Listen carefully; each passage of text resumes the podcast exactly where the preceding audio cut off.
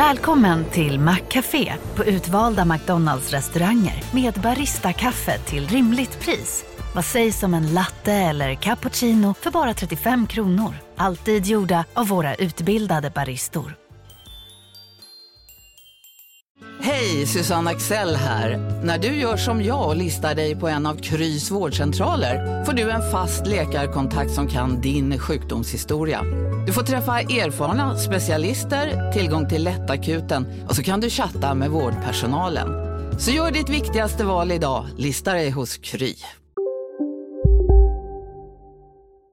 Från Monopol Media, det här är Kapitalet med mig, Marcus Morey Haldin. Och med mig Gunnar Harjus. Michael Heller är vice dekan vid Columbia School of Law och professor i fastighetsekonomi. Trots det så flyger han alltid ekonomiklass. Som häromveckan när han flög från London till LA. Då uppstod en klassisk flygplanskonflikt med killen som satt bakom honom. So um, I actually pressed the button on my seat and I leaned uh, basically right back into the lap of the guy behind me, who got kind of mad at me. He pushed back on the seat because I, I did it too suddenly. Det här eh, känner man igen även från tåg och sådär. Lite sur blir man ju alltid alltså. Men Michael reagerade inte som du och jag hade gjort. Han började istället analysera situationen som en konflikt om ägande. Now you don't think of that as an ownership conflict, but it very much is. Michael Heller tänker nämligen på konflikter om ägande hela tiden. Det är som att han har opererat in superlinser i ögonen som gör typ som Terminator, men istället för att se hot så ser han ägarkonflikter överallt. Mm. Och på ett sätt är det ju rimligt, för att när man tänker på det så handlar ju allt om ägande. Alltså juridiken, vårt ekonomiska system, ja men typ allt. Vårt samhälle är en plats där folk äger saker. Michael och hans kollega Jim Salzman, som är juridikprofessor, de tänkte så mycket på ägande att de började skriva en bok om det. As we were writing about, you know, the, the broad question of who gets what and why, that really is the broad theme of the book. Och om du har svårt att skilja de här två professorerna åt så kan du tänka så här. Michael är den med bra ljud, Jim är lite burkigare. We, we realized as we started to get more and more into it that there really are just six justifications for how we own things. Michael Heller och James Salzman har jobbat fram ett case om att det bara finns sex argument, eller som de kallar det, ownership stories, som används för att få det man vill ha. Inte fem, inte sju, sex. De gäller i alla sådana här konflikter, över hela världen och har gällt i alla tider. Även då på flygplanet. Killen bakom Michael använder sig då, enligt Michael, av två av de här historierna eller argumenten. So the person in back is saying, hey, you know, um, this space I had first. The seat was up. Det första är då, jag hade det här utrymmet först, därför är det mitt. Klassiskt sandlådeargument och även känns det som ett argument som kungar ofta använder. Verkligen. Och argument nummer två är också på en nivå som kanske funkar i sandlådan. Det här är mitt eftersom jag har det just nu. Eh, Han kallar det för possession eller innehav. I possess this space. Så det är killen bakoms argument, hans två argument, medan Michael Heller använder ett annat av de här sex argumenten. And I, sitting in front, am telling a different story. I have that little button on my seat. I press the button and the seat tips back. So I'm saying that space behind is mine because the space is attached to something mine. Attachment is one of those six stories. Dagens Kapitalet kommer handla om sex universella regler som styrt ägande i alla tider.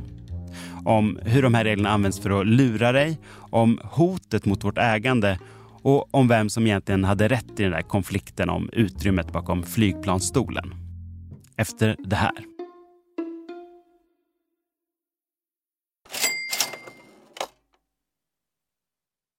Kapitalet sponsras av SPP och Storebrand Asset Management. Eh, Storebrand och SPP hör ju ihop sedan många år och utan att gå in på några detaljer här och nu så kan vi i alla fall säga att eh, Storebrand förvaltar över 1200 miljarder kronor bland annat åt just SPP.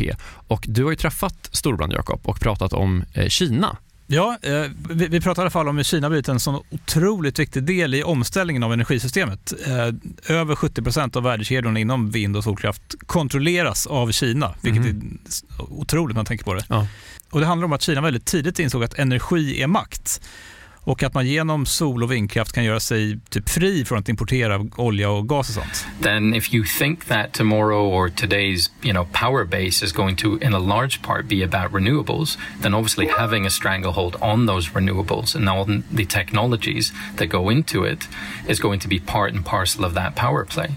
Eh, det här är då Philip Ripman som ansvarar för Storbrand Global Solutions, eh, en fond som investerar i lösningsbolag över hela världen. Mm. Och hela det här avsnittet om Kina och geopolitiken som nu liksom är invävd i den globala omställningen, eh, den släpper vi som en bonus här i kapitalet nu i veckan. Alla konflikter kring ägande har i alla tider styrts av sex olika regler eller argument eller stories. De här används då för att lura mig och ägandet är också eventuellt hotat allt enligt professorerna Michael Heller och James Salzman. Och vi måste också säga att för dem så är ägande, det är inte bara ägande. Ägande är allt. Ägande är makt. There's no question power matters and not all ownership relationships are of equal power. Och om man ser världen genom någon slags ägandeskapsförstoringsglas så blir det extremt viktigt att faktiskt förstå hur ägande funkar om ägande är allt så är att förstå ägande att förstå, ja, kanske inte allt, men i alla fall mycket. Just det, om man har det här ägandeförstoringsglaset med sig, vilket Michael och eh, Jim har, eh, så blir då också den här konflikten om utrymmet bakom flygplanssätet en fråga om liksom ägande och, och makt och sådär. Och det blir liksom viktigt vilka argument man använder för att claima saker helt enkelt. Ja, och det, och det handlar ju då om att eh, Michael lutar sig tillbaka och killen bakom blev sur. Och killen bakom använder sig då av flera ägarargument. Ett, det är mitt för jag hade det först. Två, det är mitt för jag har det just nu. Och sen så kommer då ett tredje argument in som Michael använder. Det här utrymmet är mitt för det sitter ihop med något som är mitt. Vi kommer komma till resten av de här sex reglerna, men först ska vi bara reda ut vem som egentligen hade rätt i den här flygplanskonflikten.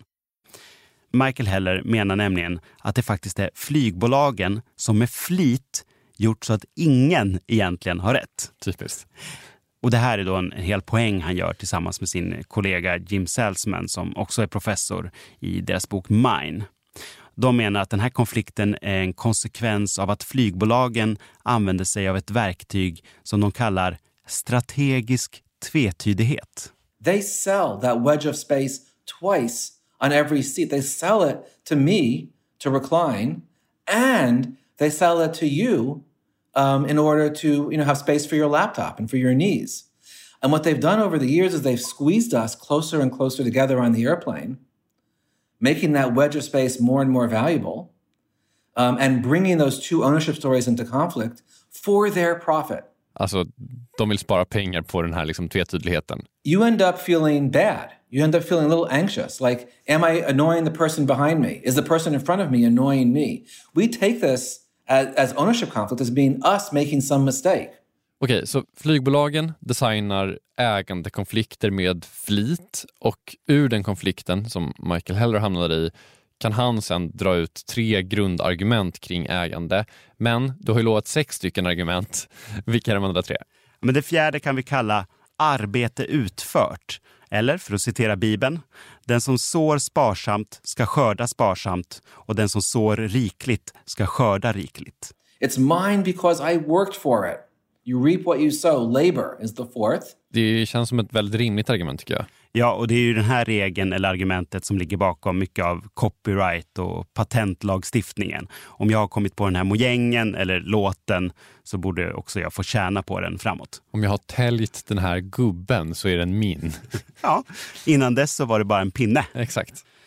Den femte regeln kallas self-ownership eller självägandeskap. I deras teorier så betyder det om det tillhör din kropp så får du göra vad du vill med det. Men precis som alla de här reglerna så är de inte helt okomplicerade. Can you sell your hair? Sure. Can you sell your blood? Maybe in some places. Can you sell your kidneys? Probably not.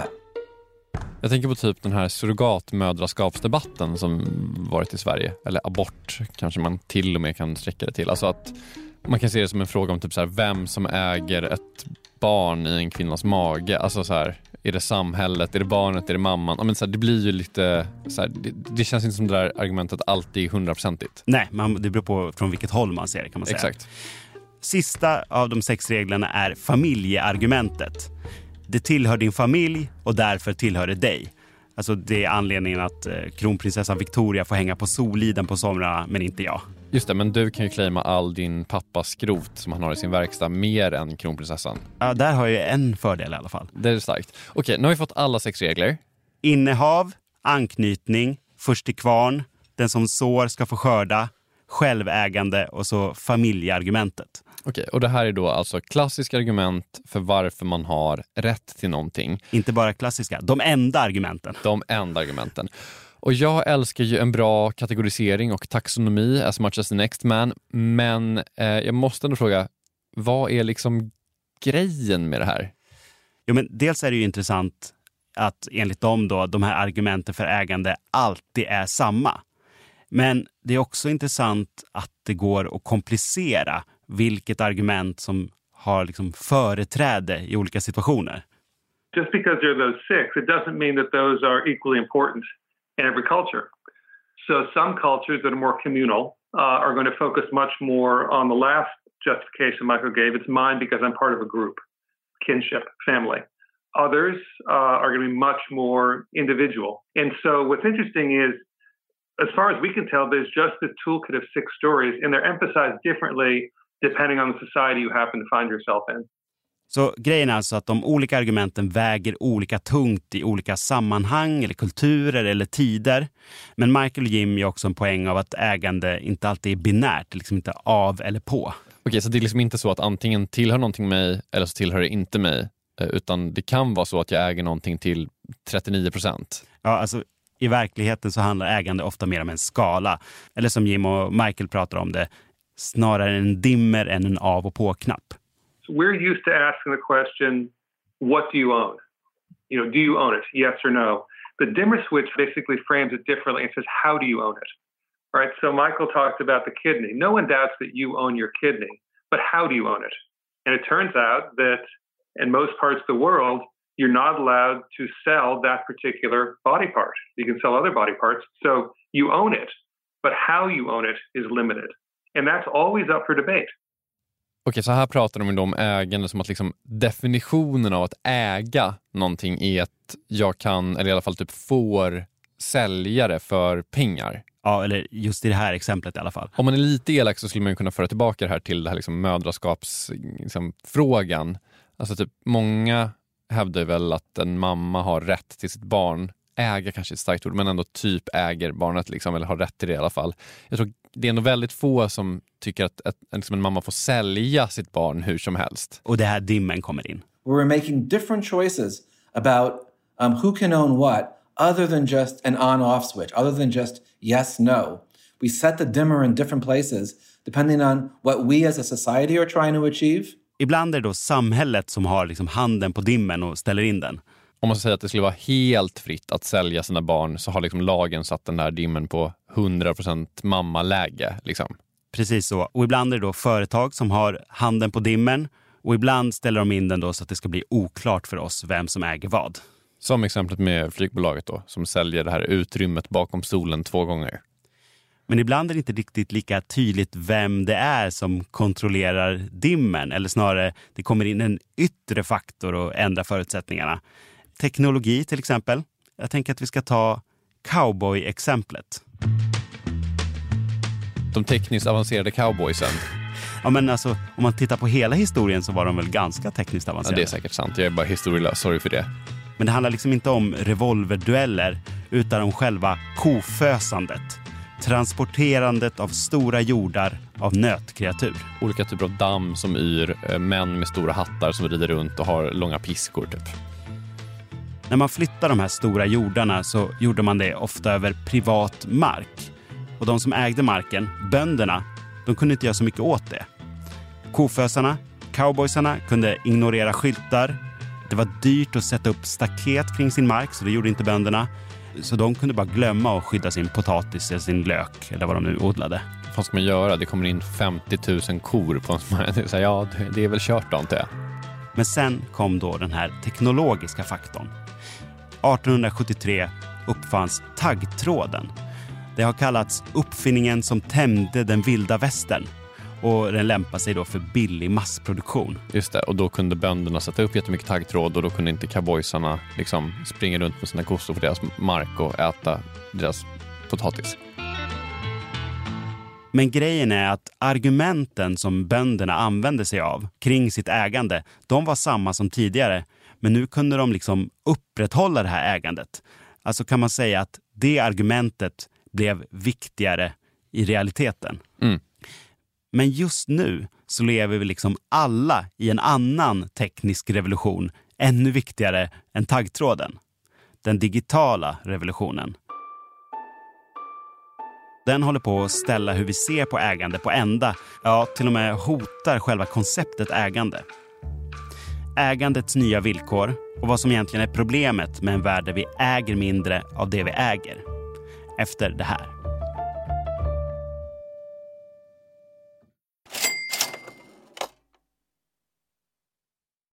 Vi sponsras av SPP och vi var med dem eh, på Tech Arena förra veckan. Och jag tänkte berätta om en bolagspitch som jag såg. Ja.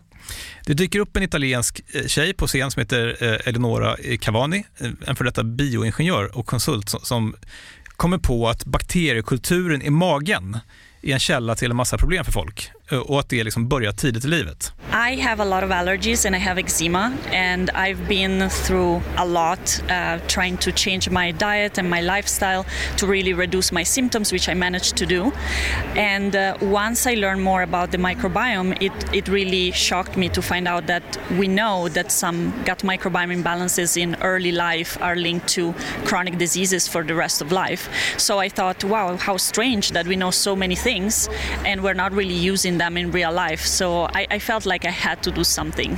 Så hon startar något som heter Alba Health, eh, jag förväxlar med Alba Golf som vi gillar, eh, där småbarnsföräldrar kan skicka in prover från sina barn. We send you a kit. Um, it's a test that you can take at home. We need a poop sample. You can take it from the diaper. We receive it, we analyze it, we give you back results and recommendations on uh, lifestyle, food and uh, potentially probiotics. Och, och folk kommer liksom tycka att det är lite äckligt och sånt, men jag kände så här, det är så mycket negativitet i världen just nu. Eh, och du var inne på det tidigare, liksom att det här stället var ju fullt med folk som typ vill göra grejer. Mm.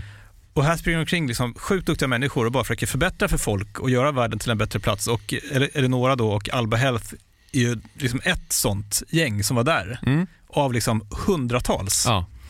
Eh, och det gjorde mig glad faktiskt. Ja, nej, det, jag tycker det lät toppen. Och grejen är också att sådana här idéer och projekt som förbättrar samhället över tid, de tar tid eh, och behöver liksom långsiktigt kapital. Och då kan ju vi genom pensionerna göra stor skillnad.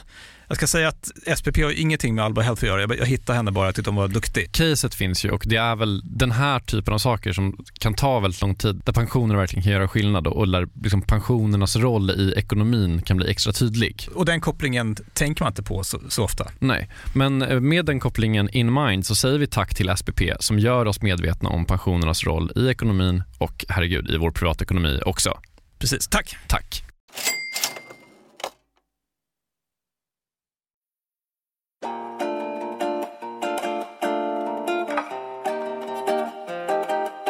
Så två amerikanska professorer i juridik respektive ekonomi, Michael Heller och Jim Salzman, har kommit fram till att det finns sex olika regler eller argument som styr allt ägande.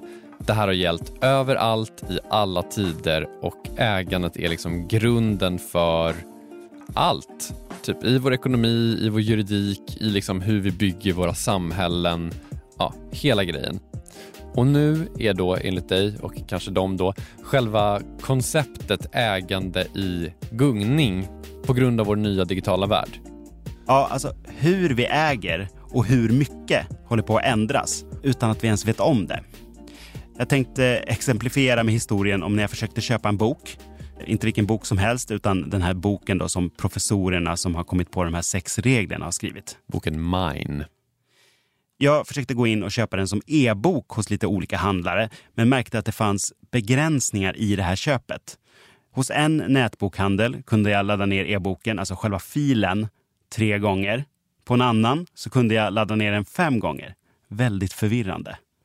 Samtidigt hade du betalat för liksom hela boken så man skulle ju verkligen kunna argumentera för att du skulle få ladda ner den hur många gånger du vill. Det är ju din bok. There's no rule. What it is is you're in a brand new world, a brand new world of ownership in the online ownership world where the online retailers are just making it up as they go along.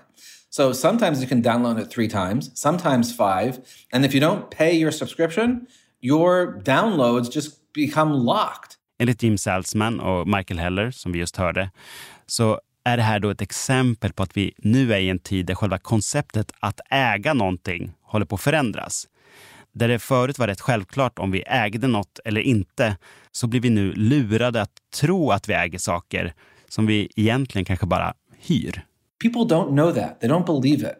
And what that means is that there's, there's a gap. That gap between what they think they own, what you think you own, and what you actually own is actually worth something. Det finns också exempel på när kunder till och med har blivit av med sina digitala saker som böcker eller filmer som de har betalat för för att det har hänt något med rättigheterna någonstans långt bakom kulisserna. Ja, man har köpt en sån Apple liksom...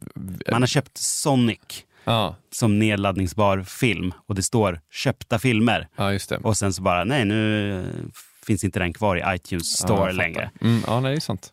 Men vi som kunder tror fortfarande att vi äger det som vi har köpt på det här sättet, säger Michael Heller. There was a study recently that asked people whether they believed that online ownership was really the same as you know tangible. Like if i buy a book online is it the same as buying the hard copy? And about 85% of people said the answer is yes. It's basically the same. I buy the book i check it out it doesn't matter if it's online or not.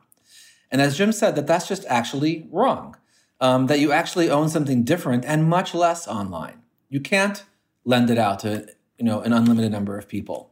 Uh, they can take it back from you. So what you buy is actually worth less. It's less ownership than you have with the actual physical copy of the book. Men allt i de här digitala affärerna ska fortfarande kännas som att du äger boken lika mycket som om du hade gått in i en affär.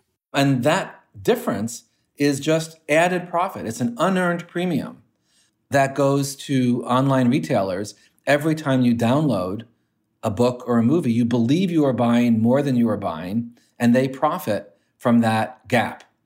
They've designed ownership in a way to maximize your feeling that it's something that is real ownership, um, but to maximize their profit from it not quite being that. Men fråga, är inte det här lite så falsk marknadsföring då? Alltså så, om det står köp e-bok och så hyr den, det känns ju inte helt legit. Och det kan bli domstolar som avgör det här. Just nu är det åtminstone två olika mål igång mot Amazon och Apple om att deras videotjänster har orden köp och köpta. I ett av fallen så försökte Apple få målet nedlagt genom att skriva att No reasonable consumer skulle tro att ett iTunes-inköp skulle finnas hos dem för evigt. Just det, för att ordet köp Ingen rimlig person kan någonsin tro att köp betyder att man köper någonting. Men okej, utvecklingen går alltså mot att vi äger mindre och mindre av det vi tror att vi äger för att vi har köpt det. Så vi får väl se om de här domstolarna gör att de här företagen får ändra på själva orden. Men det är inte bara sådana här nedladdningsbara filer som påverkas i den här nya världen, utan även väldigt fysiska saker som traktorer. 2017 så uppmärksammades de hackande traktorbönderna. Jag älskar dem redan. Vad är det för någonting? Ja, men så här. Det finns ett traktormärke som heter John Deere som är väldigt populärt i USA. Mm. Och De här nya traktorerna har då en dator i sig som traktorn behöver för att funka. Och Som det är med datorer så funkar inte alltid mjukvaran fläckfritt. Du vet hur det är. Jag vet hur det är. Och då, om man vill skörda ett fält då måste man först åka till liksom speciella John Deere-verkstäder så att de kan fixa den här mjukvaran. Men det ville inte alltid bönderna för det kunde vara långt eller dyrt. Så det utvecklades en slags svart marknad på crackad inofficiell John Deere-mjukvara som typ laddades ner från skumma utländska hemsidor. Här har vi en eh, traktormekaniker, Kevin Kenny, uttalar sig i en Youtube-video från kanalen Freethink. What farmers find themselves doing, we're stuck in a gray area where we're using hack software from Europe or wherever, Timbuktu. In the old days, you needed basically a wrench and a hammer and a pry bar. Today, they have embedded firmware all over these equipment systems. So you'll need to have software just to get it started, activated, and calibrated. So I guess hacking and fixing to me is the same thing. Just det, och hade man inte liksom rundat John Deere på det sättet så hade det liksom blivit lite så att man typ snarare prenumererar på sin traktor, eller att man prenumererar i alla fall på typ John Deere-tjänster för att få traktorn att funka, eller vad man ska säga. Och Det här blev extra tydligt under Rysslands invasion av Ukraina eh, när John Deere stängde ner en massa traktorers mjukvara och fick dem att inte funka längre för att ryska soldater hade stulit dem. Och Det tror jag de flesta tycker typ är en ganska bra sak. Men man kan ju också säga att det är typ så att John Deere på ett sätt fortsätter äga en del av traktorerna även när de har sålt dem. Och då kan man argumentera att du som då äger traktorn äger den lite mindre än vad du gjorde när du köpte en dum traktor. Sen så finns det ju de positiva sidorna av teknikutvecklingens inverkan på ägande. Enligt Rachel Botsman, en forskare vid bland annat Oxford, så används till exempel den genomsnittliga slagborren 13 minuter under hela sin livslängd. Låter rimligt tycker jag om man tänker på hur mycket jag använder min slagborr. Och då frågar hon sig varför skulle du inte kunna hyra den istället för att köpa den? Och på senare tid så har det då poppat upp en massa hyrestjänster för allt från typ bröllopsklänningar till bilar och ja, verktyg. Precis, och fortsätter det så här så kommer man prenumerera på alla såna här liksom, få användningsvaror som slagborrar och eh, vad sa du, böcker och bröllopsklänningar och sånt där. Och det tycker jag spontant låter ganska positivt för att eh, det är inte så himla bra att liksom, varje människa ska äga en slagborr om det egentligen bara liksom, behövs en slagborr per kvarter. Eller så. Det låter ju spontant som en väldigt bra utveckling. Men enligt Michael Heller och Jim Salzman så är det saker som kan gå förlorade om ingen äger något. For example, I don't think, that, uh, Marcus, that you have a rental dog. Do you have a rental? Do you rent your dog? No, right? I mean, I don't know if you're married, but if you do, I don't know if you want, if you like rent your wedding ring or stream your wedding ring, right? You know, there are, um, there is still something very powerful very primal. I don't know if it's, I think it's instinctual. I think it's partly cultural. Um, that part of how we define ourselves as people um, is you know, substantially in relation to others, you know, to our family. That's how we define who we are. Um, but it's not insubstantial how we define ourselves through uh, tangible stuff in our lives, you know, through our pets and through our wedding rings and through some, for some people, through their cars. Okej, så att han menar då att affektionsvärde som grejer har eh, hänger ihop med känslan av att äga något och att han tycker då att det är en sån primal instinkt. Eh, jag vet inte helt om jag skulle hålla med om det här dock, för det kanske inte är typ så att min relation till min hund är beroende av att jag faktiskt äger den och har betalat för den. Utan det är kanske mer typ så att jag har en relation med en annan varelse bara. Nej, det kan man ju diskutera, men, men deras poäng är ju typ att om det är din hund så känner du ansvar för den och kanske ta hand om den, ge den olika vaccin och sånt, ta mm. den till veterinären. Och enligt Heller och Salzman, och här får man ju lägga till att de är amerikaner som verkligen trycker på det här med det privata ägandet, så kan ägande gjort på rätt sätt bli verktyg som kan hjälpa oss i liksom mycket viktigare frågor än din relation med din hund. Mm. Till exempel när det gäller miljön. De tar upp ett exempel på hur man räddade dricksvattnet i New York, som tydligen ska vara ett av världens bästa dricksvatten, genom att använda ägande som ett verktyg. Det hade alltid varit så att vattnet hade renats naturligt på sin väg ner från the Catskill Mountains. Men på 80-talet så började det odlas mer med konstgödsel och det började byggas mer på vägen ner. Så vattenkvaliteten försämrades rejält. Mm. Då riskerar stan att behöva bygga enorma och dyra reningsanläggningar. Men istället så löste man det genom att dels köpa upp land längs vägen dels betala de landägare som också fanns där för att inte odla på sin mark. Liksom ägandet blev ett verktyg för att få folk att ta ansvar. Typ. Ja, och Salzman och Heller menar att det är bra att ha på sig de här ägarkonfliktsglasögonen för att bli en bättre medborgare. typ. And so, you know, my view is an informed citizenry, even if there are difficult things to change, is far better than uninformed citizenry. And, you know, maybe you can't change it now, but there are some things actually enough people become aware of that there's enough force that over time it can change.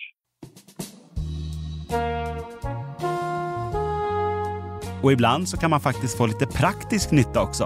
Och då ska vi tillbaka till flyget. So there's some real news you can use that we've we've learned, which is um, if you ask the person in front of you not to lean back, uh, that doesn't work. Uh, if you offer them 20 euros uh, not to lean back, uh, it doesn't work. You know, people feel offended if you offer them money. Um, but if you offer to buy the person in front of you a drink or a snack, um, the research suggests that about three quarters of the time, 75% of the time, person will accept the drink or the snack and not lean back on the flight. Um, so that's real news you can use. So if you if you want your first or possession story to win over their attachment story, buy the person in front of you a drink or a snack. Jag tänker att jag ändå kommer ta med mig det här spritknepet och eh, lansera argument 7 i kampen om ägandet som är alltså det är mitt för att jag bjöd dig på en drink. Jag tycker att det kan funka i många oväntade situationer. Kapitalet är slut för den här veckan. Michael Heller och James Salzmans bok heter Mine How the Hidden Rules of Ownership Control Our Lives. Jag heter Marcus Morey Haldin, du heter Gunnar Harrius och ansvarig utgivare är Jakob Bursell. Hej då! Hej då!